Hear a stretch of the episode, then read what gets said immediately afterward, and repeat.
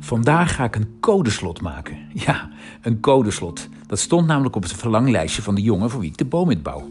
Nou denk je bij een codeslot meteen aan zo'n metalen dingetje met van die wieltjes met cijfers en een beugeltje. En als die cijfers dan in de goede volgorde staan, gaat het slot open. Maar als je weet hoe het werkt en een beetje anders denkt, kun je het ook anders maken. Nou, het werd een codeslot in een wijnkistje. Met vier blokjes die met schoolbord zijn beschilderd, zodat je zelf je code erop kunt schrijven en kunt veranderen. Als ze in de goede stand staan, gaat de deur open. Grappig hè? Nou, wil je weten hoe dat werkt? Ga dan naar mijn website robdeboometebouwer.nl